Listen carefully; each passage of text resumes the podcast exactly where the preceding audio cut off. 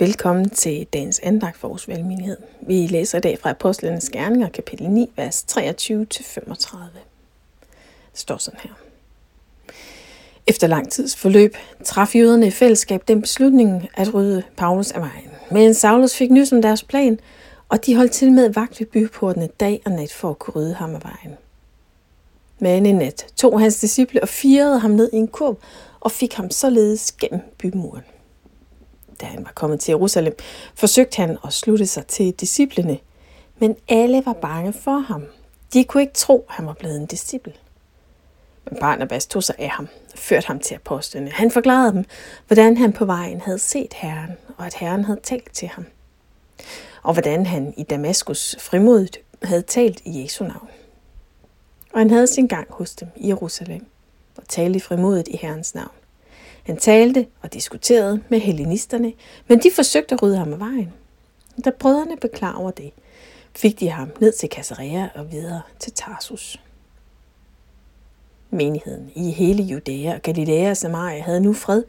Den blev bygget op og levede i Herrens frygt og voksede ved Helligåndens formaning.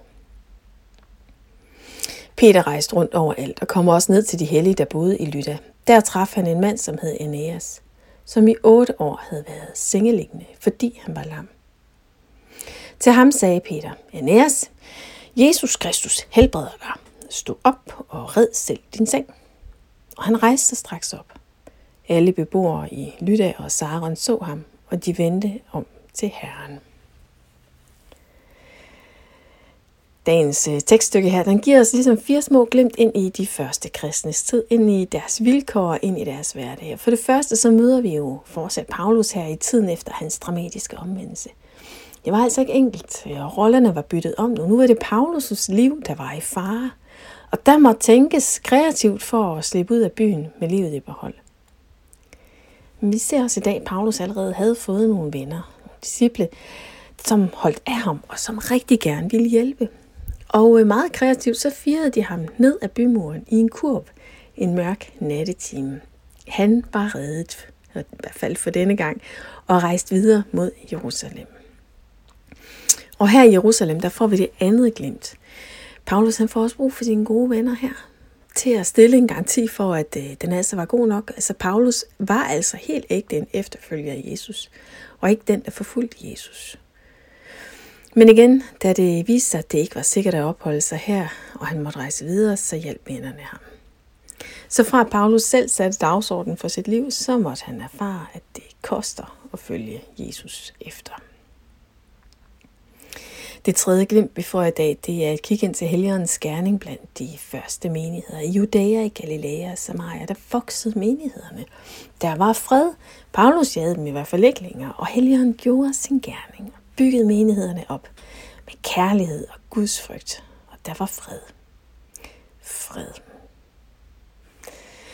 Og det sidste glimt, vi får i dag, det er et kig ind til Peters tjeneste. Peter, som var Jesus' gode ven, han rejste nemlig også rundt, og lige her i dag, der møder vi ham i et lille hus hos den gode mand Eneas, som ikke kunne gå.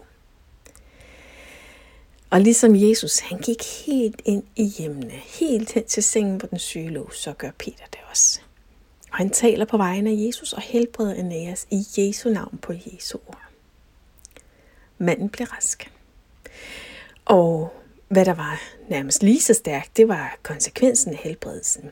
For da landsbyens beboere så, hvad der var sket, vendte de sig om til Jesus. De tog imod Jesus som deres herre og frelser.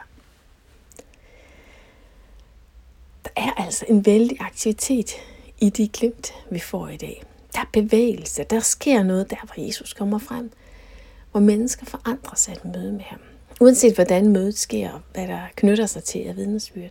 Og i de fire glemt i dag, der ser vi også tydeligt, at efterfølgelse af Jesus, det er på den ene side en personlig, men ikke en privat sag. Men det er også noget, som man er i et fællesskab, for vi har brug for hinanden. Det er den første uge i januar nu, og jeg ved ikke, hvad dine tanker og dine bønder er for det nye år. Og måske kan du slet, slet ikke se dig igennem dagen i dag, og hvordan skulle du så kunne overskue et helt år? Det er der jo ikke nogen af os, der kan. Du kan også være fyldt af en boblende glæde og forventning over et nyt år, der ligger foran os. Uanset om du er i den ene eller den anden del af skalaen, og uanset hvad du er fyldt af, så ønsker jeg for dig, at 2023 må blive et år fyldt med bevægelse. Bevægelse på den gode måde. Hvor du bliver bevæget af Gud, af helligeren i dig. Og hvor du tør bevæge dig ind i et fællesskab og følgeskab med andre mennesker. Og erfare, at du kan blive båret af fællesskabet gennem de mørke dage. Og at du på dine gode og lyse dage kan være med til at bære andre. Og må du også erfare, at Herren taler til dig, sådan som han talte til Paulus den dag. At Herren åbner dine øjne for den hjælp, han sender, uanset hvor mærkeligt det kan se ud. Selv når det er en kurv i mørket. Lad os bede sammen, himmelske far. Vi øh, takker dig, fordi at du er i bevægelse, og du ønsker at bevæge os. Og det beder vi, Helligånd, at du må komme nu. Du må bevæge os, du må flytte os, du må åbne vores øjne for dig, den omsorg, du har for os. Vi beder din rige velsignelse ind over 2023. Må det blive året, hvor vi bevæges af dig tættere på dit hjerte.